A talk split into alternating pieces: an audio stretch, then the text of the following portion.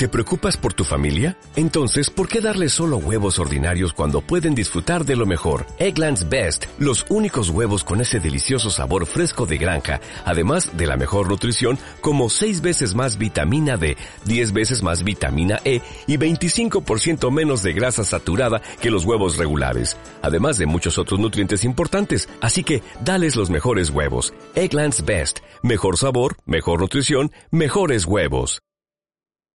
Bueno, entonces eh, empiezo la grabación. Soy Catalina Uzcanga. Eh, estoy, estamos eh, reunidos Pedro Yarzábal, Amaya Cenarruzabeitia y yo. Es 8 de mayo del 2012, estamos en Bilbao. Y bueno, quería preguntarle a Maya si Sí, sí, no te importa. Antes de hacer la primera pregunta es que necesitamos eh, que nos des tu consentimiento oral a realizar la, tanto realizar esta entrevista cómo utilizarla. Como luego utilizarla, muy bien. Así es. Pues doy, doy, el consentimiento. Vale, muchísimas gracias. Entonces, queríamos saber por qué mm, sus padres decidieron trasladarse a Venezuela y no a otro país. Bueno, mi, mi aita en principio no tenía pensado ir a ningún país de Latinoamérica. Mi aita un día dijo que, iba a una fiesta a Donostia y le dijo a su hermana la mayor él era el tercero de, nueve hermanos. A su hermana la mayor que le preparara una bolsita con dos mudas, dos camisas, un par de calcetines. Y mi hermana mayor le dijo que a ver a dónde iba, miren y se miren, que a dónde iba de fiesta, que llevaba muda. Entonces mi aita siempre contaba que le había dado un chalo a, a Miren, a Iseco Miren, porque en principio él se iba, iba a pasar la frontera de, de Gualde y Parralde y pues no pensaba volver en un tiempo. Entonces, para con la, aquella cosa pues que igual que les torturaran o que les preguntaran igual dónde estaban o qué era de Sabin, porque, porque entonces mi aita pues buzoneaba panfletos y, hacía cosas así medio clandestinas, eh, a versales, entonces, bueno, pues le dijo que se callara, que no tenía por qué preguntar, que haría lo que le estaba diciendo y nada más. Y se fue se fue a, a Iparralde, estuvo un par de años en Lubersan. En, eso ya no es Iparralde, es Francia, Francia, al lado de la región de la Armañac. En un chateau, estuvieron ahí en un castillo. Bueno, hacían casi misa diario. Yo tengo alguna fotito de entonces. Mi aita tocaba el órgano, luego siguió tocándolo. En Venezuela también tocaba el órgano. Le había enseñado el párroco de Galdacao a tocar el, el órgano de la, de la iglesia y en principio se fueron para allí de cinco personas que eran en Galdacao, tres. Las otras dos las fusilaron. No recuerdo sus nombres de las que fusilaron. Las otras dos que fueron a Galdacao fueron Julio Zaola Ugalde y Eli Bustinza. Los dos han fallecido ya. Y se fueron con la idea de que Estados Unidos iba a ayudar a, pues no sé si a los republicanos a los nacionalistas, a los demócratas, no sé muy bien a quién, a formar un ejército en contra del avance del fascismo. Y en principio aquí en contra de, la dictadura de Franco. Eh, bueno, estuvieron dos años esperando, pero eso no, no ocurrió. Entonces, pues dos años después que ya tienes que organizar la vida, que ya Franco está sentado donde está sentado y no hay mm, ningún indicio de que Estados Unidos vaya a moverse, el Ibustinza se enamora de una eh, francesa y se queda allí, en Mirán, y vive allí hasta su muerte. Y mi Aita y Julio Azaola eh, deciden ir a, Latinoamérica y en principio deciden ir a Venezuela porque en Venezuela la idea que se tenía era de que había mucha inmigración vasca. Y no inmigración por necesidad de hacer negocios o de o de montar una empresa o de no o por hacerte más rico o qué sé yo sino de una inmigración pues que de alguna manera estaba escapando del régimen o que de alguna manera pensaba que había que organizarse fuera para volver aquí con una idea de, de Euskadi como nación y bueno así llegó a Venezuela mi ama mi ama vivía entonces en ese estado mi ama y mi nos conocieron en Euskadi bueno, vivía en Portugalete. Mi mamá nació en ese estado, pero de pequeñita, de meses, eh, fue a, a, Portugalete. Y una prima de mi ama, Irene eh, pues eso le decía, ven para aquí, que aquí hay muchos chicos vascos y muy guapos y no sé qué. Y bueno, también tenía un medio novio ahí americano, porque el hermano de mi ama, eh, que seis años más pequeño que ella, vivía en Chicago. Bueno, entonces estaba en Indianápolis, creo, todavía no estaba en Chicago. Y le había dicho que iba a ir un ingeniero a Venezuela y tal. Y bueno, como mi ama era un poco parandera o aventurera, no sé cuál es la palabra, pues se fue a Venezuela, pero mi mamá sí que en un plan más de, de ocio, de eso de aventurera, creo yo que es la palabra.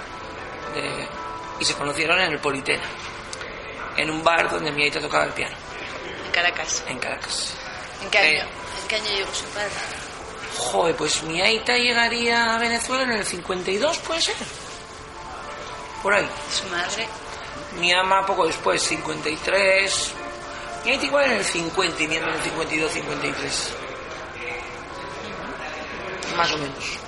Digo de memoria, ¿eh? porque esas son esas historias que luego nunca las haces del todo, no las escribes, no las cuadras y, se quedan ahí. ¿Quién pagó el viaje de su padre? Me imagino que... ¿Y el de su madre? Me imagino que ella. Sí, sí, sí, sí, sí. Ellos además no fueron como refugiados ni nada. Ahorita, cuando decidió que ella no hacía nada en Francia, pues bueno, decidí ir a Venezuela con, Julio. Julio después de Venezuela fue a, a esto, a, Sao Paulo, a Brasil. Luego volvió a Venezuela otra vez. La nieta se quedó en Venezuela. ¿Y su madre por qué escogió Venezuela? Que, Porque tenía una prima allí, tenía una prima allí que le dijo que, bueno, pues que el ambiente era majo, mi mamá sí que era muy eh, euskaldun, no, no sé cómo decir, euskotar o vascas, le gustaba mucho el ambiente vasco, y bueno, no iba a ir así a lo loco, imagino, a América Latina o a Latinoamérica, pero bueno, cuando le dijeron que había ahí un centro vasco y que había mucho ambiente y que no sé qué, pues no. ¿Cómo le han contado que fue la acogida de, en Venezuela? En Venezuela muy bien, porque ellos llegaron a Venezuela, en una Venezuela que yo no he conocido, bueno, he conocido muy poquito, en una Venezuela en la que los vascos eran, eso sí que he conocido, muy bien, muy bien eh, catalogados, en las que, aunque no tenían preparación, algunos tenían preparación, pero otros no tanta, se les consideraba que eran muy trabajadores y que, bueno, que palabra de vasco era así como, como lo máximo. Entonces, bien, fueron yo creo que muy bien, muy bien acogidos. Eh, la idea que tengo siempre de mi, de mi y de mi ama es que, que los venezolanos siempre les trataron muy bien y siempre les quisieron un montón. ¿Cómo se relacionaban con la gente en Venezuela? ¿En qué idioma hablaban? En Venezuela, en el centro vasco, el que sabía euskera hablaba euskera. Eso se notaba sobre todo en los de Azpeitia. Siempre hemos dicho, los de Azpeitia tienen una cosa especial. Sí, porque había gente de Donostia y de, bueno, de Vizcaya y de que hablaban en euskera y en castellano. O si no sabías euskera decían, ah, un barcato. Pero los de Azpeitia les da igual. Nuestro padrino de bodas es de Azpeitia y es que si hay dos Azpeitia al segundo, yo decía siempre mi aita punto les da igual si está la usa euskera o no. Es problema del que tiene que aprender. Pero ellos hablan en, euskera. Y eso, eso lo, conocí y lo viví yo en, Venezuela muy bien, muy bien. Entonces, siempre se podía en euskera. No se podía siempre, pero los que sabían euskera evidentemente hablaban euskera. ¿Sus padres conocieron algún problema en Venezuela a la hora de relacionarse eh, con la gente de allí? No, no, no, no. No, allí a veces pues se llamaban Musiu o Misia, en Venezuela le llaman mushu al extranjero y misia a la extranjera. Pero no es despectivo, es cariñoso. Si usted mushu, usted misia, no. Es parece que no son de allí, sin más, pero no es un. Bueno, yo por lo menos alguna vez me han llamado, pero misia, ¿usted qué le importa? Si usted... Yo no le he sentido nunca tampoco, a mí que soy de allí. Pero a mí me decían, joder, pero tú qué vas a hacer de aquí? Entonces, no creo que era así peyorativo. ¿Y sus padres y luego usted mantenían contacto con la familia que se había quedado aquí? Sí, Bueno, mi ama, sí. Mi aita menos, porque mi aita durante mucho tiempo, pues con esto no lo tenía en un régimen que era como el que era, que era de dictadura, no sabías hasta qué punto tú podías escribir a alguien y mantener contacto libre con alguien. Entonces, mi aita menos, mi ama sí. Mi ama con, con mi mamá y con mi aitite sí. De hecho, cuando mi tite murió, que murió joven, con 42 años, trabajaba en Altos Hornos, mi tite materno. Eh, me acuerdo que, vino a, pues eso, cuando se iba a morir. Mi aita no, mi aita no vino aquí hasta que murió Franco. A una boda de, de una sobrina de él. Pero a San Franco ni se le pasó por la cabeza eh, el venir. ¿Y el hecho de que ellos estuvieran allí en Venezuela eh, atrajo a, a, otros hermanos o amigos? Un hermano de mi aita quiso venir. Eh, quiso venir eh, más para trabajo y así, bueno, pues porque es un. Bueno, tenía, o sea, falleció hace poco, un carácter muy, muy especial. Pero bueno, eso es una. casi fue un cisma familiar porque mi mamá le decía, pues para hacer que si no conseguía trabajo, aunque posiblemente hubiera conseguido. Nosotros somos cinco hermanos, yo soy la mayor de cinco hermanos. Entonces mi mamá tenía bastante trabajo con lo que tenía para. Y luego sí que vino una hermana de, de mi aita, porque se quedó embarazada sin estar casada y eso entonces en un tabú. Entonces es así que vino, por lo menos aquí podía estar con su hermano y tener a su hija. y Entonces ya no somos cinco hermanos, sino seis hermanos y mi tía Isiko Garbiñe y ahí te llamo. Entonces venir y ese venir también pues era un poco complicado. ¿Y aquí dejaron, sus padres dejaron pertenencias? Bueno, mi aita fue muy joven allí, mi aita yo he dicho 50 y es que de verdad que no sé, puede ser 50 o...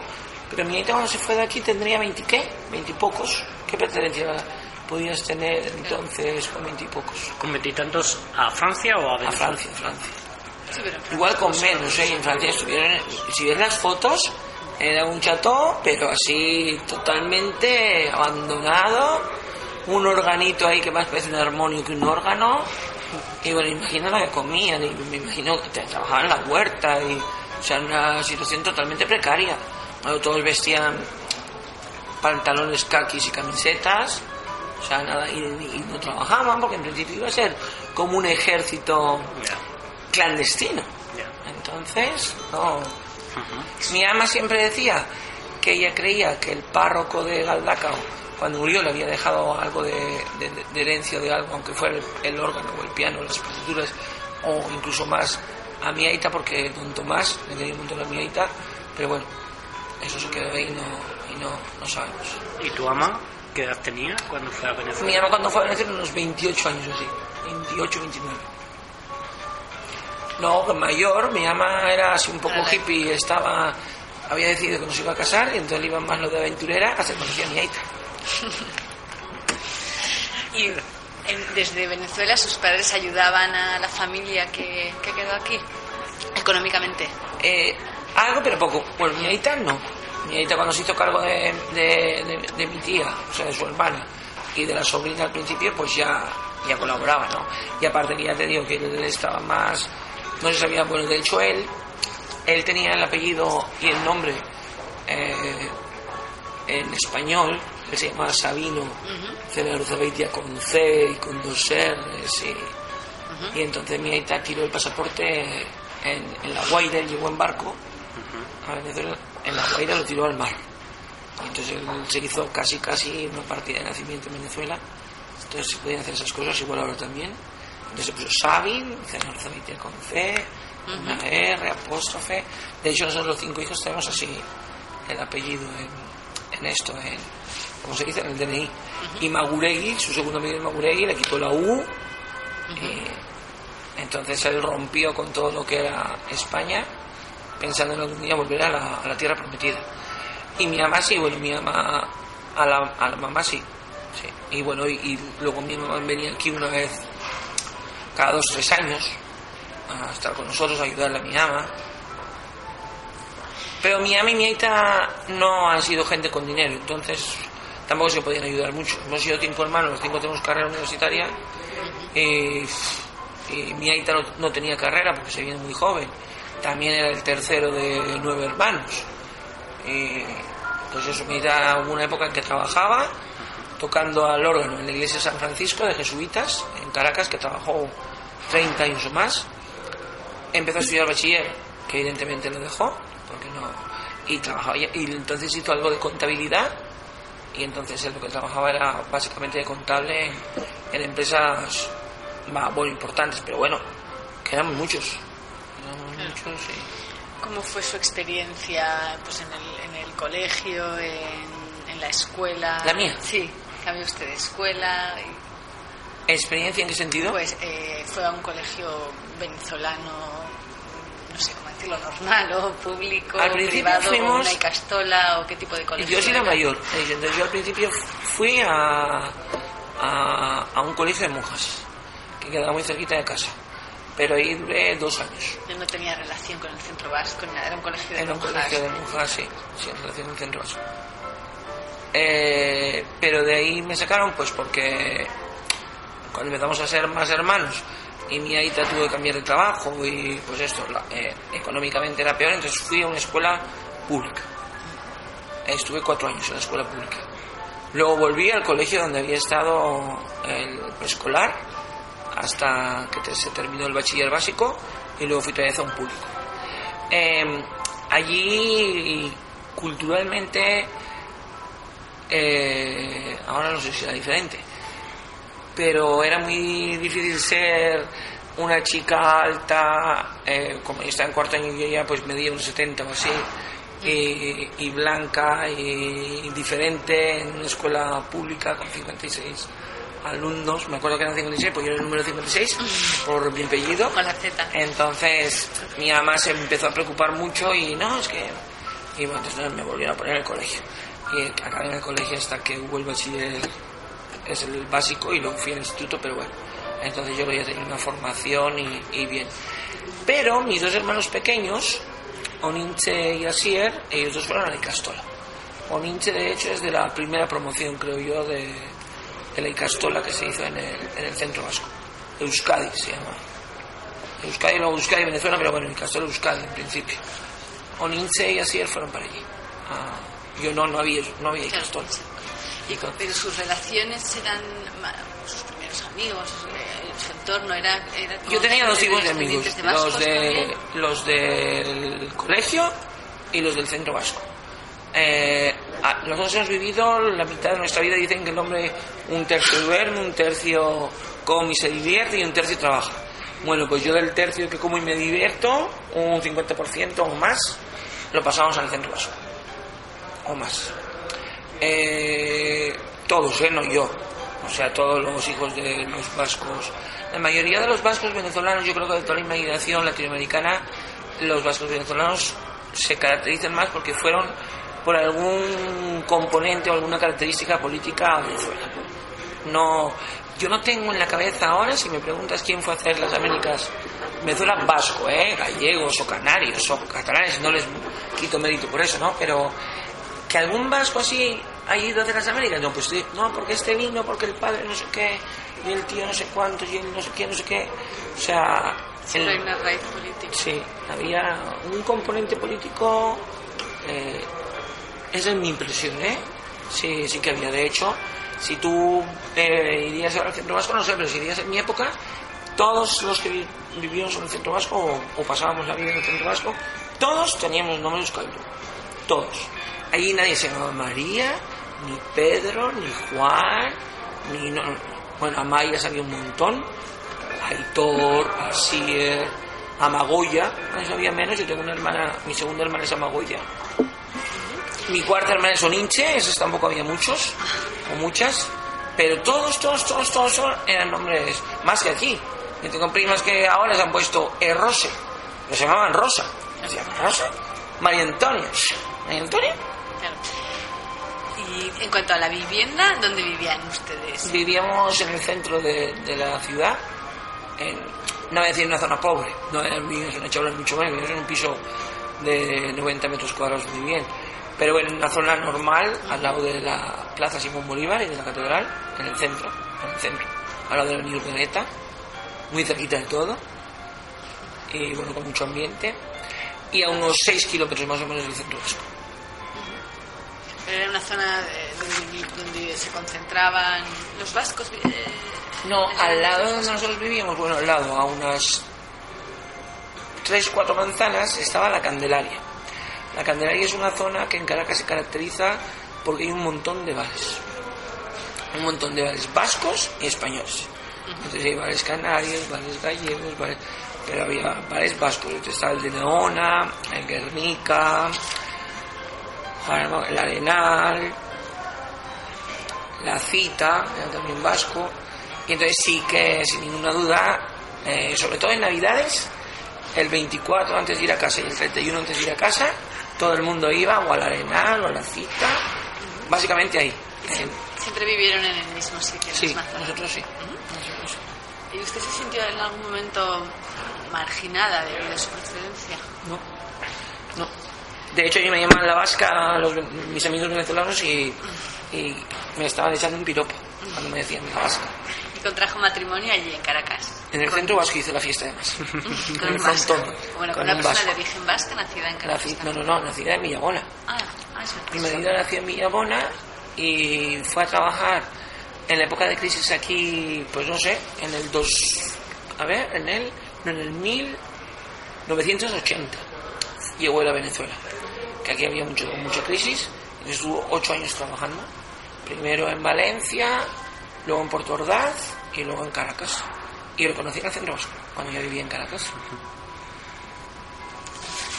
Y nos casamos en el centro vasco, bueno, nos casamos en una iglesia con un cura de Marquina, y la fiesta hicimos en el centro vasco.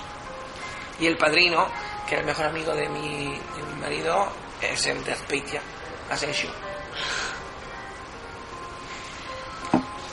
¿Qué idioma utilizan para.? Bueno, ¿qué idioma utilizaban sus padres para hablar con usted?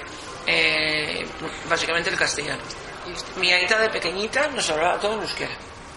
De, yo me acuerdo, todo, todo, todo. Yo me acuerdo frases enteras de menos cuando nos regañaba. Igual cuando nos regañaba, igual nos hablaba en castellano. Que es lo que hago conmigo también. Me imagino que para que nos enteraríamos mejor. Pero claro, luego mi aita se fue a trabajar al interior de, Venezuela, a los llanos y por ahí. Pasas mucho más tiempo con tu ama y, mi ama no tenía tanto control de euskera. Entonces hablábamos más castellano. ¿Y ustedes qué idioma utilizan para hablar con, con su hijo? Yo con mi hijo, ahora menos porque pues estoy muy metido en cosas, pero siempre que he podido he hablado con euskera, en euskera, y mi marido habla todo, todo, todo, todo en euskera con, con Ulisi, pero hago lo mismo, cuando lo voy a regañar, la regaño en castellano. ¿Cómo fue en Caracas la relación con la comunidad vasca? Muy bien, muy bien. Yo si volvería a Caracas, solo volvería por, por ver a los que no tengo contacto vía email o vía telefónica o que no vienen aquí desde hace no sé cuánto tiempo. Por lo demás, no. Hombre, por ver a mis amigos, pero eh, no por, por, vivir en Venezuela. A mí me gusta Euskadi. ¿Y qué, qué, actividades realizaban en el centro vasco? En el centro vasco es un Euskadi chiquito, un Euskadi en pequeño, sí. Empezábamos pues el 20 de enero, por ejemplo, San Sebastián. Y los guipuzcoanos lo organizaban, entonces ya teníamos tambores hechos, una cuchara grande, un tenedor grande, un cuchillo grande, un traje de eso de cantinera, un montón de, de, delantales, y entonces hacíamos cena primero, había un grupo de chistos, mi aita era el silbote, o sea, había un grupo de chistos que ahora si pensaría mucho más me acuerdo nombre, pero en ese momento no, y un silbote, dos chistos, un tamboril, eran cinco, y, y tocaban y a las 12 en punto se apagaban todas las luces, y aparecían todos los... Así conocí a mi marido porque en una tamborrada de esas, ahí que apareció mi marido. en el centro vasco. Y bueno, luego digo eso, pero puedo decir, en la Berriguna se celebra un montón, era una de las fiestas más grandes que había, en la Berriguna y el Día del Centro. Empezábamos con misa por los que habían muerto en el año, luego algún partido de pelota bueno, entre los pelotaris del, del centro vasco, luego a la mañana bailaban los, los chiquis, a la tarde después de otro partido bueno también bailábamos los más grandes, y mientras oíamos los partidos de fútbol de aquí, mm. había uno, Andón Ibarra, el chichero que le llamábamos, que siempre tenía una radio conectada, hacíamos quinielas, ah. pero allí con, con los partidos de, de, aquí, y bueno, y luego teníamos comida popular, la verdad es que en la Berriguna era un día genial, pero luego también celebrábamos el, el Día de los Gansos, el sábado más cercano al 2 de septiembre, hacíamos un marmitaco, un perolo de no sé cuántos litros de... Bueno, nos pasamos dos días o tres esperando tres sacos de patatas de 100 kilos, no sé cuántas cebollas, todos los escolasteri para hacer... Y hacíamos un... Primero hacíamos con gansos de verdad, envueltos en grasa, pero había personas que les parecía que era más antiecológico, entonces yo no era tan ecologista como ahora. Entonces hicimos un ganso grande, grande de pita, lo forramos de lona, pero con forma de ganso y todo, le pintamos los ojos, el pico y todo. Y entonces en la piscina poníamos una cuerda y ahí tiramos con una polea, hacíamos regatas de, botes de plástico, hacíamos cucaña, poníamos una cucaña encima del trampolín y una icurreña en la punta. Eh, y eso, que cogiera la... Hacíamos eso, hacíamos santolines, pero hacíamos también en Santo Tomás, en diciembre en Santo Tomás, pues eso era chistorra, eh, pues es una comida especial, así se juntaba la gente, San Ignacio, San Fermín, hacía todas, todas las fiestas, o sea, si me dices alguna que no, hombre, sí, pues por ejemplo yo cuando vine aquí en el 82, que vine la segunda vez, porque vine pequeñita, pero no me acuerdo, yo fui a Lumbier, a San Ramón Neonato, el 29 o 30 de agosto. No, pues eso no se celebraba allí. Es que Lumbier es un pueblo de 600 personas. Pero lo demás, tú dime una fiesta y se celebraban todas. ¿Y en todas, todas. Cuando vivían en Caracas tenían interés por conocer las noticias del País Vasco, la actualidad del País Vasco. En el centro vasco tú siempre tenías un de ella. En una mesa que había allí estaban suscritos a de ella y entonces solían poner ellas viejos también, te ponías ahí y la gente leía. Eh, cuando las inundaciones de aquí del 83 de Bilbao, me acuerdo, joven, que eh, entonces no es como ahora que podéis ver cualquier televisión. Conectarte y ver una cosa de fuera era la leche, pero me acuerdo como la gente trata de buscar noticias o de grabar y luego las veíamos en el centro. Eh, traíamos también cintas de VHS, pues con partidos de pelota así, de Reteg o así, alguno interesante que había habido, y se veían un sábado a la tarde, por ejemplo. Y luego, pues, por ejemplo, me acuerdo que un partido que ganó. Ay, ahora es que yo no me acuerdo si fue el de la Real. Ah. Cuando faltaban 30 segundos para acabar. Ay, ¿quién era? Pues eso, ese lo, lo teníamos, habíamos contratado escucharlo, pagándolo, o sea, escote, todos que estábamos aquí con unas bafles ahí enormes en el salón de arriba del centro vasco, todos oyendo ahí el partido. A ver quién gana antes. la verdad es que la relación que teníamos con, con las noticias de aquí. Bueno, yo cuando venía en el 82, yo hacía alguna pregunta política o así, la gente, yo sabía más de política o más de quién era el ministro, no sé qué, o el consejero, no sé cuántos, que la gente que, que había aquí. Y decía, joder, ¿vosotros dónde vivís? O sea, me parecía alucinante hoy. Luego hacíamos otra cosa, hacíamos coritos de Gabón en Navidades. Bueno, eh, los borrocas, por decirlo de alguna manera, hacían Santana. Ahí también se, como aquí no estaba fracturado, no se puede decir tanto en el centro vasco, pero sí que había los más del búnker, que les llamaban, y los más, eh, los, pues eso, los o los proletarios. O... Y entonces ellos celebraban Santa Águeda por los presos políticos recogían el dinero. Y nosotros hacíamos cobitos de Gabón, pues el gobierno en el. ¿Hay solo un centro vasco en Caracas? Ahora hay tres. Ah, llegó a haber cuatro. Yo creo que hubo uno en el Tigre, yo no lo conocí. Yo he conocido tres en Valencia y en Puerto La Cruz. ¿Pero en Caracas? En Caracas ah, En Caracas En Caracas En Caracas Con que, bueno, en el 82 es la segunda vez que usted viene al País Vasco. Yo vine de pequeñita, con dos años, cuando se murió mi tite. Mm. Chao. Pero no tiene Vine antes, vine antes, yo conocía a mi Haitite, pero no sé pero no, me acuerdo. No me acuerdo. Y luego vine en el 82 cuando me gradué de médica. ¿Y cuál fue la primera impresión? Yo vine en avión y a mí mi Haitite me había dicho que, que yo me iba a dar cuenta que estaba en Euskadi eh, cuando vería por la ventanilla el cambio de verde. Que, que en Euskadi el verde era diferente, que era más verde, que era y entonces yo me acuerdo, pues sí, que, que, vi un verde muy bonito yo iba con un chico joven al lado, no lo conocía nada, pero también venía a Euskadi. Y me acuerdo que le dije, uy, ¿y eso tan bonito que está ahí abajo qué es? me dice, eso, el cementerio de Derio.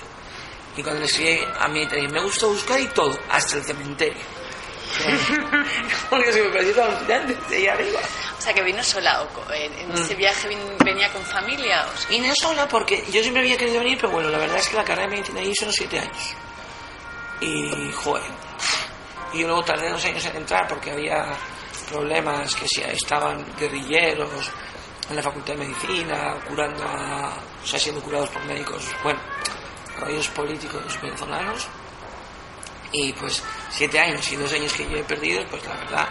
Y entonces cuando me gradué haciendo el rural, hay que hacer dos años de rural antes de hacer el MIR, me vine para aquí, pero lo que me terminó de impulsar es porque cuando se hizo el primer congreso de médicos en la diáspora, en 1982, en agosto, septiembre, médicos en la diáspora, vascos, argentinos, y se hizo en Donostia. Entonces estaba mandando a Garicochea, me acuerdo en el Palacio de Ayete, que nos, nos recibió. Entonces yo vine un poco antes, pues ahora me voy a solo al Congreso. Pues el Congreso en septiembre yo vine, el, me acuerdo clarito, el 10 de agosto del 82. Entonces fue mi mamá a buscarme al, al aeropuerto con unos primos míos por parte de ella. Fuimos al Gorta yo me acuerdo que celando yo vengo a oír música y vengo a oír música y vengo a oír música y decía, ¿y pero qué sé Es que son fiestas en el Puerto Viejo de Algorta. Y bueno, miremos, ¿no? Yo abrí la maleta y saqué una, una falda y una camisa de estas de aranzale y unas alpargatas azules y unos, unos pololos. Y yo le decía a mis primos, pero Juan, ¿pero no os vais a vestir de azul? Y ellos no tenían la ropa que yo traía de Venezuela, que me la habían llevado de aquí, por supuesto. Entonces yo me acuerdo de que fuimos ese día ahí, luego fui el, el 16 a San Roque, en Portugalete, de agosto, el 17 a Fiesta de los Arranchales en Ondarwa, o sea, yo así con una agenda, el 29 ya os he dicho, el 30 ahí a Lumbier, estuve en Irún también en una fiesta en la que vi los Sampansares, estos que iban los... no sé qué era, en Irún, pero yo les dije a mis primos, mis primos por parte de Aita, que yo les pagaba la gasolina y el, los campings pero ellos me ponían el coche. Entonces, bueno, la, la comida también pagaba casi yo. Claro, cuando yo vine, un bolívar valía 33 pesetas. Alguna vez cambié a 36 pesetas por un bolívar. Eso ahora es, bueno, no el cambio ahora, pero es impensable. Se yo ganaba 1800 bolívares y aquí era capitán general, al cambio. Yo del 88, que ya me vine a quedar a vivir, ganaba 18.000 bolívares y ganaba una basura al cambio. O sea que no. En aquella época yo tenía al cambio mucho poder adquisitivo, con lo cual pude conocer. No fui parralde. Eh, en parte me dio pena porque eh, mi hermano el pequeño me decía así: Oh, es que San Juan de Piedeporo es precioso, tienes que ir a Don Iván Garás y tienes que ir y tienes que ir. Y...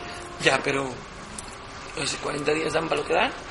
Y entonces yo conocí más o menos Vizcaya y Cuzco y cosas hay sitios que conozco que Agustín no conoce, mi marido, y Navarra, en Farroa. De Araba conozco menos. Entre el 82 y el 88 hizo más viajes. Entre el 82 y el 88 me dediqué a estudiarme. Yo en el 82, cuando me tocó regresarme, yo le dije a mi hija que no me quería ir, que me quería quedar aquí. Ahí tuvimos algunas discusiones por teléfono y me decía que iba a hacer aquí, porque allí para que te den el título de médico tienes que hacer el rural. Y yo el rural no había hecho, estaba haciéndolo.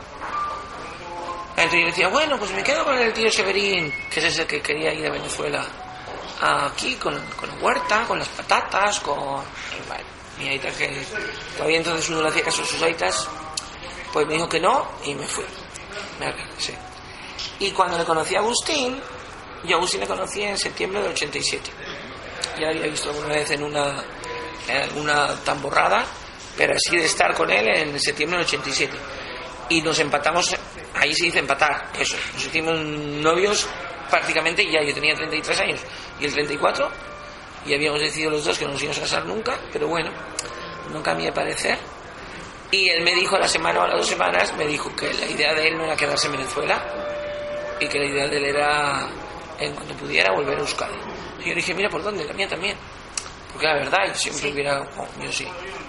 Yo, yo, siempre tenía muy claro que, que mi sitio era, era Euskadi, no Venezuela. Siempre, ¿eh? Siempre. Incluso antes de visitarlo. Sí, yo a mi Aita le dije cuando me iba al aeropuerto, porque a mi Aita le faltaba una pierna, entonces el, aeropuerto no, no bajó. Le dije, yo sé Aita que Euskadi me va a gustar más de lo que creo. Y el 29 de agosto era su cumpleaños y yo le mandé una tarjeta a su cumple, desde Aldaca.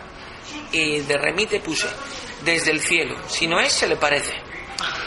Y me dice el del correo, pero no, pues usted remite. Y digo, joder, poco remite le parece. Y mi aita guardó esa carta un montón de tiempo, pues, desde el cielo, si no es, le parece.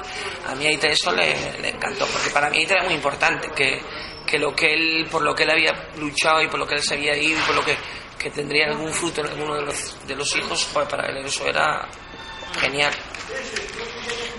¿Y por qué deciden regresar? Bueno, tenían claro que querían regresar, pero ¿por qué ese momento? ¿Por el 88? No, en el 88 empieza a ponerse mal las cosas en Venezuela. En febrero, creo que es del 88, hay un viernes negro en el que eh, un dólar eran 430 bolívares y ese viernes, desde viernes pasado, un dólar son 12 bolívares y empieza ahí, pues son 15 bolívares, son 16 bolívares, son 20 bolívares, son... empieza ahí a... Y entonces la empresa de Agustín, que es una empresa española, le dice, eh, cuando nos vamos a ir de vacaciones, después de la boda, a los seis meses justo de conocernos, nos casamos. Y entonces habíamos esperado agosto para irnos, venirnos de aquí, de vacaciones. Y entonces le dicen que si espera un poco, en vez de de venir de vacaciones nos venimos ya con trabajo para aquí. Joder, en el 88 venir con trabajo era jugar al musical. Entonces, yo he tenido un buen trabajo allí. Lo que estoy haciendo ahora mejor, porque era coordinadora de la unidad docente, o iba a ser coordinadora, pero bueno. Y tenía muy claro que yo quería eh, vivir aquí, yo tenía muy claro que si la unidad tenía hijos, quería tener hijos vascos, y lo que teníamos muy claro los dos desde el principio es que si algún día teníamos hijos vascos, cuando tendría que ir a la escuela, tenía que ir a una y Entonces a nosotros nos tocó ir primero seis meses a Gran Canarias, luego seguimos año y medio en Madrid, luego yo venía a Artea a estudiar euskera, 15 días en, en julio, creo que era con Chomina Recochea. ¿Desde Madrid? Desde Madrid o desde, desde Canarias o no sé si me tocó.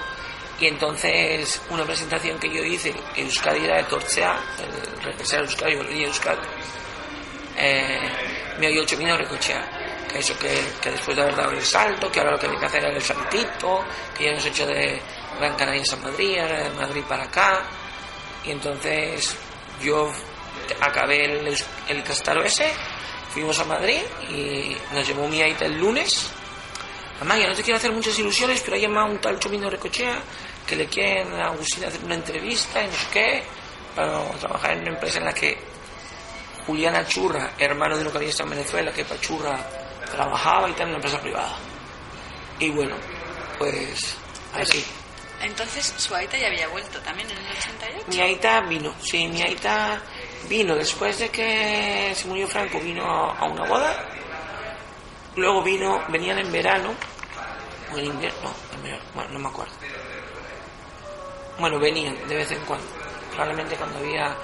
Pero cuando ya nosotros nos casamos, y en principio íbamos a venir aquí, a mi mamá y a mi aita era mucho más fácil venir a vivir aquí teniendo a alguien, aunque no fuera en Euskadi, en, en, en, en Madrid o en Canarias o algo. Sí, sí, mis aitas, yo creo que nosotros vinimos aquí en en septiembre, un 3 de septiembre, vinimos a, llegamos a, a Guipúzcoa, porque no conocía la familia de Agustín, porque no fueron a la boda, porque el Haití estaba muy pochito, era muy mayor, y justo se murió cuando nuestra boda.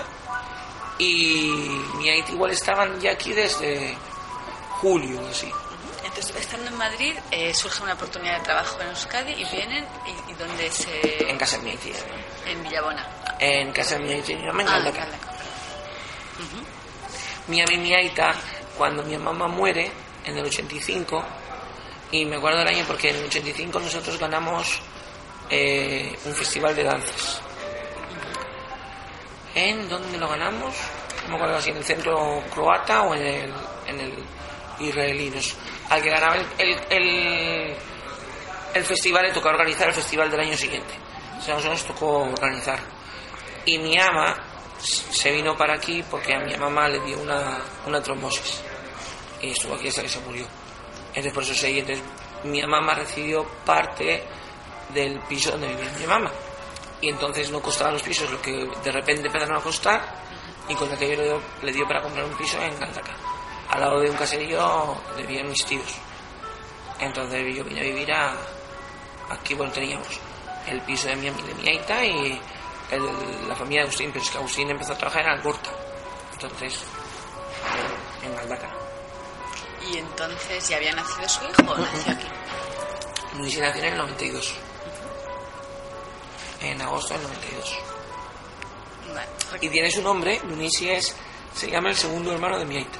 La primera es Mire, y luego era Dunisi, que le mataron con 19 años en la guerra. Y se supone que está enterrado en una cuneta en la Morevieta, pero no sabemos bien ni dónde está lugar. Le pusimos Dunisi por eso, por, por, el, por el tío. Pues recuerda cómo se sintió cuando decidió volver, cuando decidió dejar Venezuela. Os va a parecer muy pocho, pero me sentí muy contenta.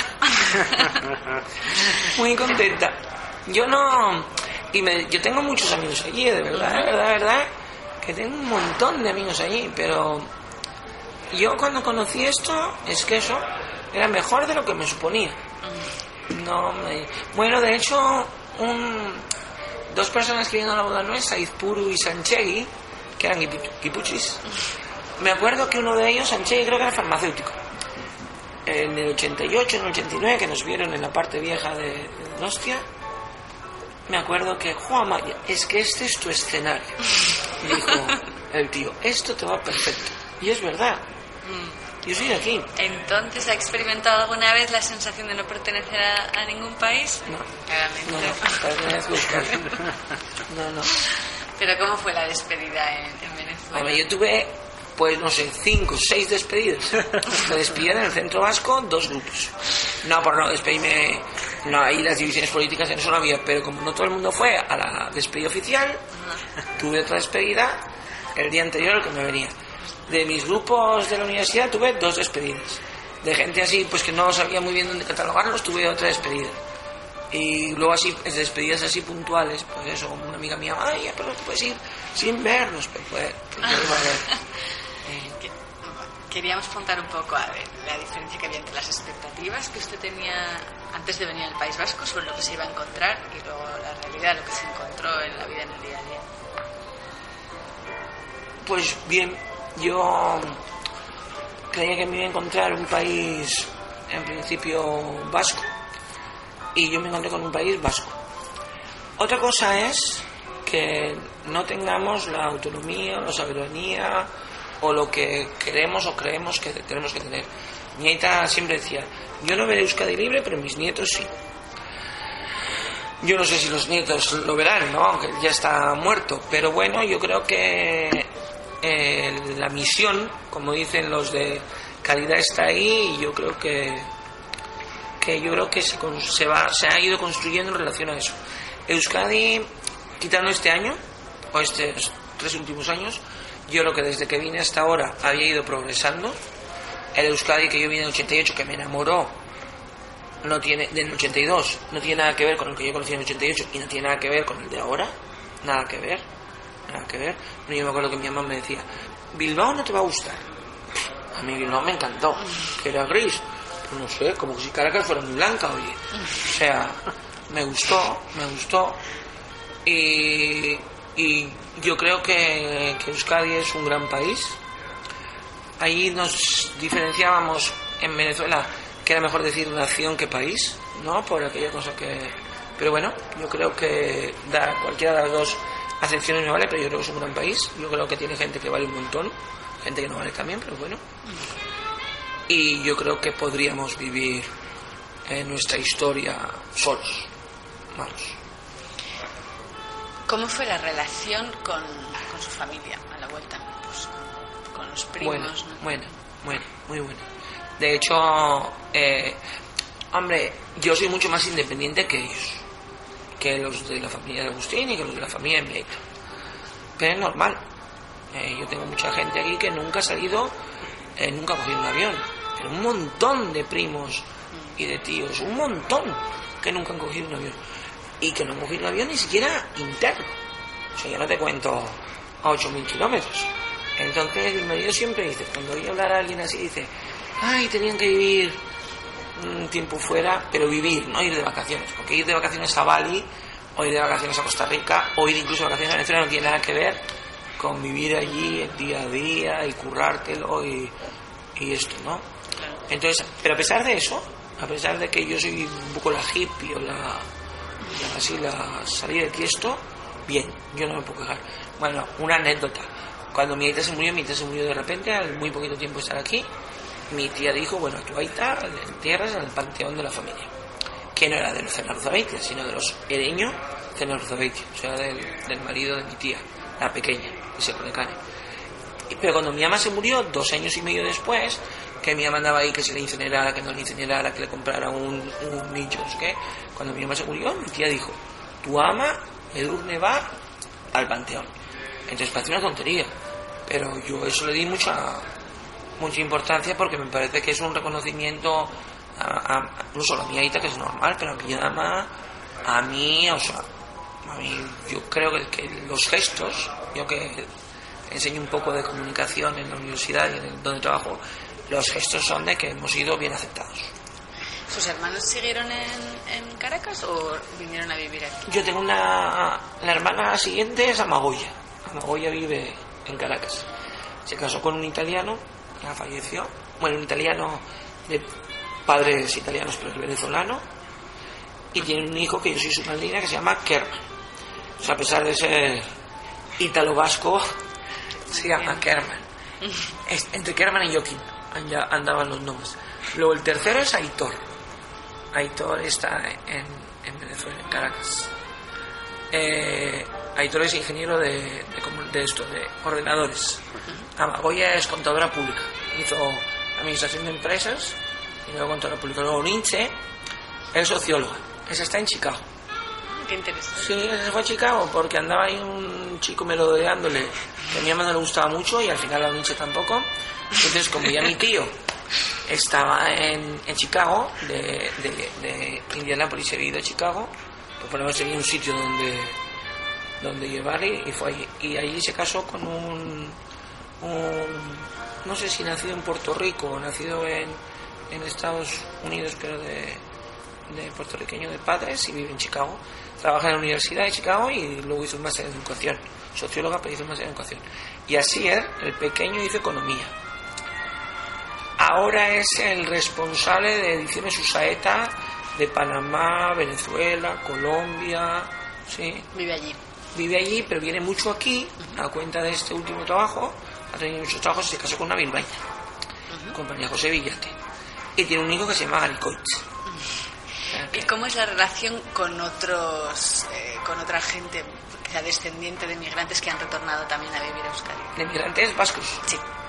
Bueno, pues en, principio eh, nos llamamos. Ahora, por ejemplo, aquí está Guillermo Ramos. Guillermo Ramos es uno con el que yo estuve en la Junta cuando fui vocal. Y ha venido el 1 de mayo y yo me enteré el 2.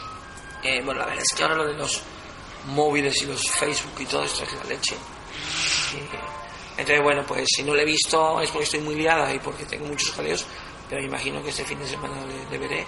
Nosotros, cuando yo estaba en Madrid, yo me enteraba por carta entonces, porque entonces todavía no estaba así tan tan, eh, cuando alguien venía a Euskadi. Entonces yo, como no trabajaba, me iba desde donde vivía hasta el aeropuerto en Madrid, mientras estaban en, en Barajas, hasta que cogían para la Sondica, pues yo estaba ahí con todos, y era genial, porque estaba ahí todo el día más puesto que dice con toda la gente que venía aquí a, de vacaciones, pero un montón. Y, joder, pues bien, muy bien, muy bien. O sea que no, no, no has tenido la sensación de, de, ser un extraño en tu pueblo.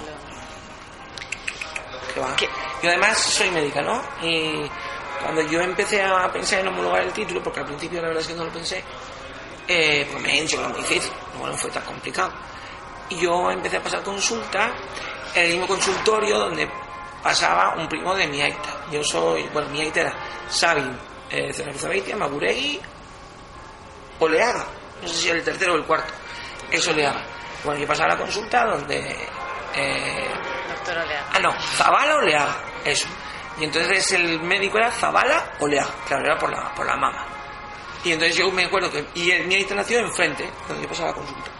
Y todo el mundo venía, tú no sé si sabes quién soy yo, pero yo sé quién tú eres y tu aita nació y tu aita no sé qué. O sea, encima tuve esa suerte de que donde empecé a pasar consulta en Galdácano, era donde, en, en casa de un primo de mi aita, enfrente de la casa donde nació mi aita. O sea, que es que es... No, no, yo, yo no, no tenía ninguna sensación de... Es que ahora no sabría dónde ir si no en Aldaca, no, no tengo ni idea. Nosotros, de hecho, cuando vinimos pensábamos bien en Villabona, porque Guipúzcoa es diferente, y Villabona es un sitio muy chiquitín, con 5.000 habitantes, y ahora marido y dice, qué suerte tenemos de vivir en Aldaca. Y es verdad, Aldaca va a de, de cine. ¿Qué fue lo más... ¿Hubo algo difícil en el, a la hora de instalarse aquí? Lo difícil ha sido después. Lo difícil ha sido, por ejemplo, conseguir trabajo. Yo trabajo, ahora estoy de interina. He estado de eventual muchas veces y paso de eventual a interina, interina a eventual. Claro, eh, claro, es difícil pues porque no hay trabajo y ahora hay menos. Entonces yo me acuerdo que cuando yo vine, que estaba entonces homologando el título, que entonces era el coordinador de la unidad docente fue el que me dijo, no es homologado, no, homologa el título, la especialidad y tal. Porque lo que yo hacía en Venezuela, de comunicación, entrevista clínica, esas cosas no se hacían aquí, estaban como muy en pañales. Yo creo que la medicina es mejor en Venezuela porque es mucho más modernizada, más americanizada. Aquí es muy teórica, es muy poco práctica. Es todo lo contrario de allí. Entonces, bueno, yo llegué aquí y eso, y, y según cuenta mi jefe, fue así como un frescor. Pero yo sé que de la misma manera que enganché un montón de gente, ahí sí que me di cuenta que tenía un montón de rechazo. Pero no porque yo era venezolana o vasca, sino porque yo iba a ocupar un, un sitio de trabajo. Sí que una vez uno tuvo la, eso no sé si el coraje o la cara, el que decirme que él no entendía cómo le iban a dar trabajo antes a una extranjera que era una vasca. Yo estuve a punto de contestarle porque su primer apellido era español, el segundo era vasco, el del que me lo dijo. Y le iba a decir, pues si quieres podemos probar a ver quién es más vasco de los dos. Con una idea me- mezquina por mi parte, pero la de él también era mezquina, ¿no? O sea, no vamos aquí a ver el, el RH de nadie, pero si tú me tocas las narices, y no me voy a quedar aquí quieta. Y entonces, eso, aunque mucha gente aquí políticamente vive en el centro vasco de, oye, en el Machuqui de Galdacao, porque yo estuve en la cárcel una vez y él tiene derecho a tener trabajo y sus hijos tienen derecho a tener trabajo y yo dije, pues yo no nací en Galdacao porque mi padre tuvo que escaparse. O sea, entonces, ¿quién tiene más derecho? ¿Tú o yo? ¿O tus hijos o yo? Entonces, ahí sí que... Y es un rollo de trabajo, porque al final es como dice mi amigo el médico, con el que yo pasaba consulta en Galdacao, es un rollo de, de chines, de alubias.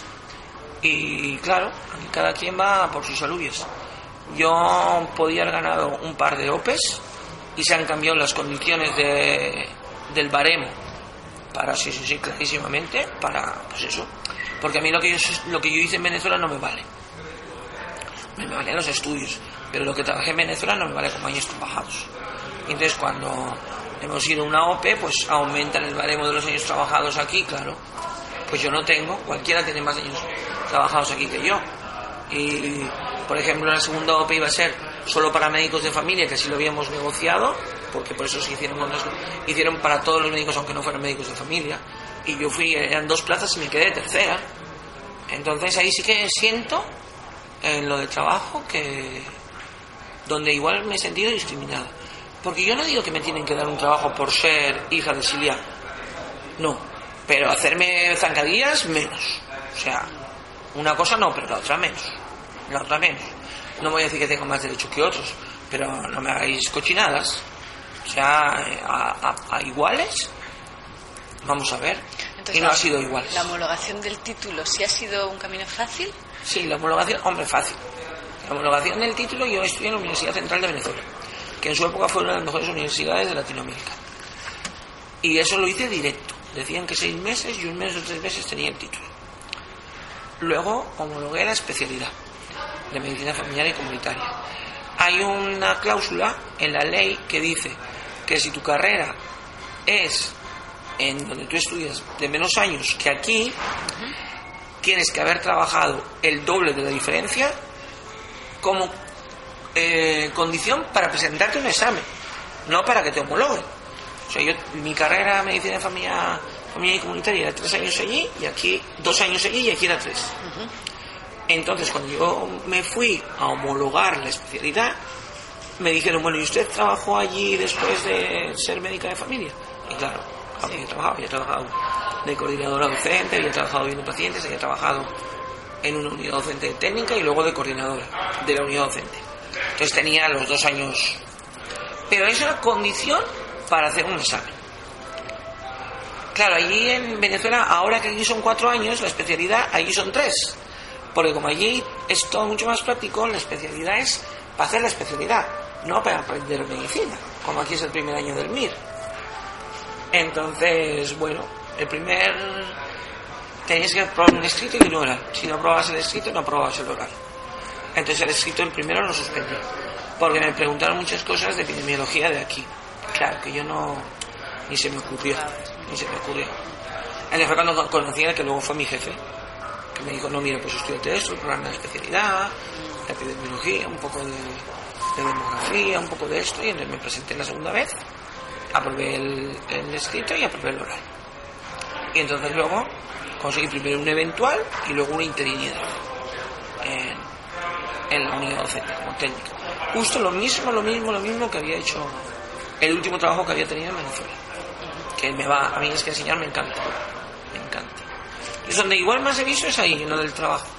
Ahí sí. ¿Y en, para la seguridad social, los años trabajados en Venezuela no se reconocen aquí? Dicen que sí, Dicen que sí, y todo el mundo dice que sí, que hay una ley eh, y además hay gente que no sé en qué página se entra, que lo tenemos que hacer, que se te reconoce y lo añades a los años trabajados aquí. Yo no lo he mirado porque ahora justo, justo he hecho 15 años trabajando aquí en Euskadi y bueno, que no sabemos hasta qué años vamos a trabajar, pero, pero dicen que sí, hay gente que, que dicen que sí, que se han reconocido. Entonces me, me imagino que sí. Y en cuanto a la vivienda, eh, al, venir, al instalarse aquí, se instalan en la casa familiar. De mi y de mi mamá. No era la casa familiar, era uno que habían comprado con la herencia, con parte de la herencia de mi mamá. Y cuando ellos se murieron los dos, bueno, hicieron la repartición de bienes. A mí me tocó parte de la casa y compré para quedarme ahí. Pero cuando mi amiga y mi todavía vivían, mi marido trabajaba en la huerta de mis tíos, que quedaba al lado, va, 50 metros. Y bueno, pues nosotros ahora al final vivimos en una casita con terreno, en el sal. Una casita vieja, no creéis que es un chalet, ¿eh? una casa, la planta baja de una casa vieja, muy chula, con terreno, tenemos pollos, gallinas, un mosollo en el tejado, que es el ave de... Yo tengo una pregunta si eh, para hacer los trámites de papeles o si tuvo que solicitar ayuda a las instituciones públicas, o ayuntamientos o diputación, o para realizar cualquier tipo de trámite, eh, no sé, cualquier tipo de gestión burocrática o si es, ¿Ayuda económica dices? No en cuanto a ayuda económica, ayuda de cualquier tipo para hacer cualquier tipo de gestión, si lo encontraba más difícil o no. Por ejemplo, a la hora de matricular a su hijo en el colegio o algún cualquier trámite con la administración. Bueno, eso menos todavía. O sea, yo, por ejemplo, cuando los, el título y yo me acuerdo que fui al Ministerio de Sanidad en Madrid. Y bueno, metí los papeles y la verdad es igual es que tenía todos los papeles, pero yo no sé, me llamaron y me dijeron te falta un papel vuelves a iniciar el proceso. Ya te digo, me dijeron entre tres y seis meses y yo creo que antes de tres meses ya tenía los papeles arreglados. Entonces me dijeron que el MIR no lo iba a poder homologar nunca, porque aquí era muy difícil sacar el MIR, que hay gente que se pasa no sé cuántos años estudiando el MIR, y decía, bueno, pues que yo ya lo tengo hecho, no es que me voy a presentar al MIR. Y entonces, en el ministerio, un venezolano, venezolano, venezolano, porque yo no, no nunca más he estado con él, me dijo, no, tú mete, tú mira a ver, si puedes meter el MIR, si dices que lo has hecho y tal. Y bueno, me fue un poco más complicado, pero por eso, porque es un año menos allí. Pero no porque no me dijeran que no podía hacerlo así, ¿eh? No, no, no, no.